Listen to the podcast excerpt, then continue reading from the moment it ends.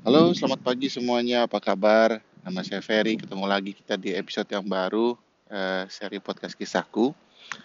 Eh, kali ini saya pengen ngobrolin soal Microsoft Teams. Jadi setelah di episode sebelumnya saya ngobrolin soal Microsoft Outlook, em, kali ini teman baik saya selama pandemi itu Microsoft Teams. Jadi kebetulan, just for your background, kantor saya itu salah satu perusahaan yang sangat pro dengan Microsoft Products. Jadi uh, the whole suite of Microsoft 365 itu kita pakai.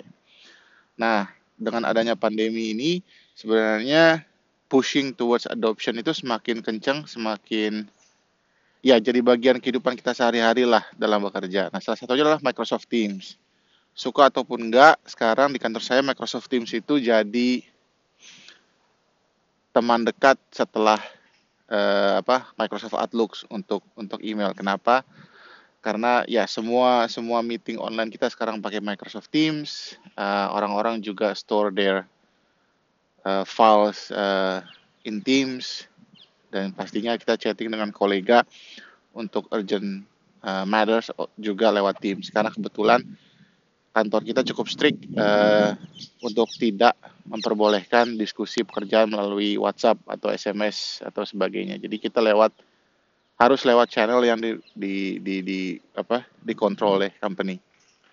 Nah, kenapa kali ini saya pengen ngobrolin soal Microsoft Teams? Karena uh, ya selain itu jadi my second best friend selama pandemi, yang jelas kayaknya masih banyak um, orang di luar sana yang menggunakan Microsoft Teams itu agak sedikit clumsy.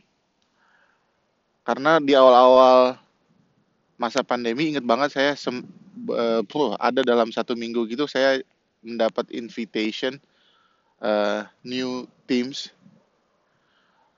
3 sampai 4 gitu. Jadi sebenarnya kalau dilihat dari sekarang itu uh, list teams yang ada di layar saya itu panjang banget karena uh, sedikit-sedikit orang bikin tim, sedikit-sedikit orang bikin teams. Padahal sebenarnya seharusnya menurut saya sih kita uh, apa namanya punya grand design gitu loh. Setiap tim, setiap setiap departemen itu perlu ngobrolin dulu satu sama lain sebenarnya model uh, teams atau channel seperti apa yang kita perlu.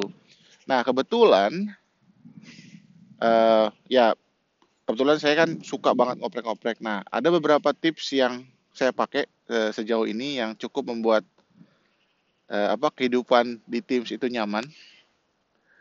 Uh, yang mungkin bisa teman-teman uh, pakai juga untuk di pekerjaan teman-teman kalau kebetulan pakai Microsoft Teams. Yang pertama itu adalah PIN.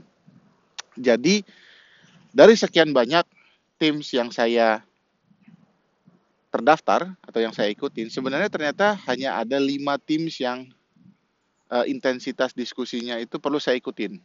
Nah, jadi sisanya itu saya masukkan ke hidden boxes dan yang lima ini saya pin sebagai uh, main items di, di di screen setiap kali uh, apa uh, Microsoft Teams mulai. Dengan begini betapa banyak pun uh, diskusi yang terjadi di di di grup lain, saya nggak terlalu peduli. Saya baru akan melihat mereka, melihat diskusi yang ada, dan saya bilang ke semua orang, uh, because this is how I work. Uh, itu tips yang kedua, yaitu call me. Call me as in uh, using a tag, uh, apa namanya dengan tanda at itu kayak kalau di email. Kalau nggak saya nggak nggak akan respon, karena buat saya sama seperti email be, be, be, di mana banyak orang apa sisi saya. Jadi kayaknya uh, senang banget orang reply all atau sisi orang-orang yang sebenarnya nggak perlu tahu.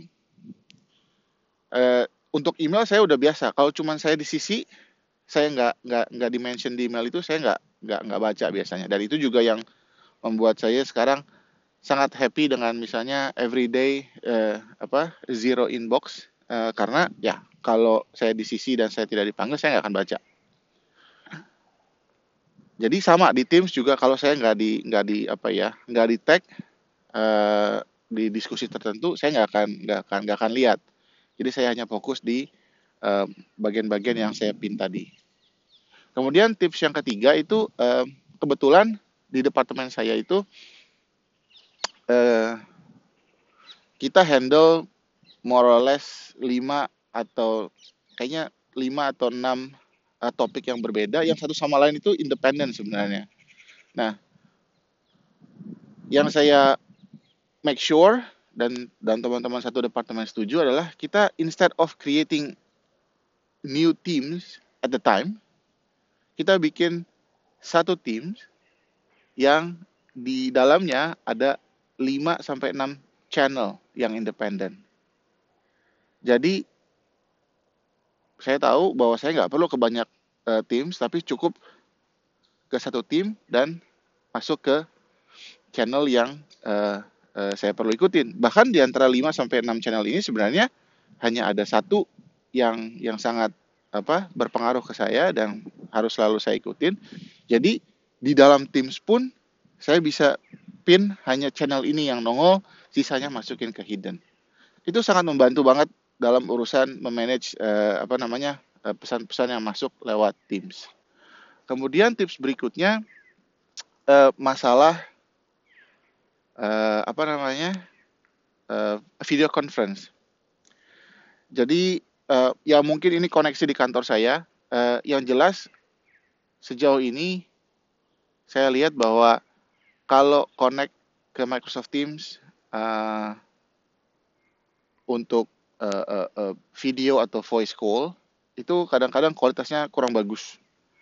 Jadi biasanya yang saya lakuin itu untuk voice dan video saya connect lewat handphone jadi lewat Microsoft Teams apps yang ada di uh, iPhone dan connect juga di laptop tapi hanya untuk melihat uh, misalnya presentationnya aja. Dan so far trik ini uh, sangat membantu.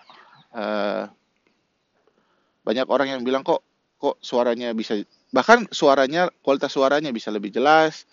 Orang-orang uh, juga bingung kok kalau saya telepon biasanya nggak pernah terputus. Jadi uh, ini tips yang lain Uh, kemudian yang terakhir yang selalu saya pakai di Microsoft Teams itu adalah memaksa orang untuk baik itu email ataupun chat di Teams untuk kirim linknya aja. Jadi biasanya kalau ada orang uh, kirim message ke saya, eh tolong dong Ferry uh, review uh, uh, file ini dan dia attach email apa filenya di email hal yang pertama saya lakuin, download emailnya ke Microsoft Teams. Udah gitu saya bilang, eh udah nih, saya udah review, udah saya kasih feedback, uh, dan kau bisa temuin di link ini. Jadi sedikit demi sedikit juga saya forcing uh, kolega saya, baik itu di satu departemen ataupun departemen yang lain, untuk mengurangi jumlah attachment di email dan menggunakan Microsoft Teams untuk storage file, uh, uh, bekerja collaboration sehingga semuanya itu ada di satu lokasi yang sama. Jadi instead of berbagi, oh ya untuk ini filenya ada di email ini, kemudian ada di uh, directory ini, ada di uh, komputer saya, semua sekarang saya arahin ke Teams. It takes time, uh, masih banyak juga kolega yang nggak biasa dengan itu, masih sering juga mereka uh, apa namanya kirim uh, file uh, in email attachment, tapi sedikit demi sedikit saya push uh, beberapa kolega itu untuk selalu kirim saya link, kirim saya link, kirim saya link. Kalau mereka lupa ya saya yang yang mengupload uh, file itu ke Teams dan saya yang membalasnya dengan link. Ya kurang lebih itu beberapa tips yang saya biasa pakai untuk Microsoft Teams uh, beberapa bulan terakhir. So far sangat efektif. So far uh, apa ya? Saya nggak merasa uh, overloaded with uh, unnecessary information. Jadi semoga tips ini juga bisa teman-teman uh, praktekkan di pekerjaan masing-masing untuk yang menggunakan Microsoft Teams. Kalau menggunakan uh, produk lain, misalnya uh, Google Suite, saya nggak paham karena saya belum pakai. But maybe one day kalau saya punya kesempatan uh, menggunakan, uh, saya juga bisa uh, sharing tips saya di sini. Oke, segitu dulu uh, berbagi tipsnya. Kebetulan hari ini 3 Juli 2020 saya record uh, podcast ini. Senang banget hari ini hari ulang tahun saya, uh, ulang tahun ke-36, uh, sebuah milestone yang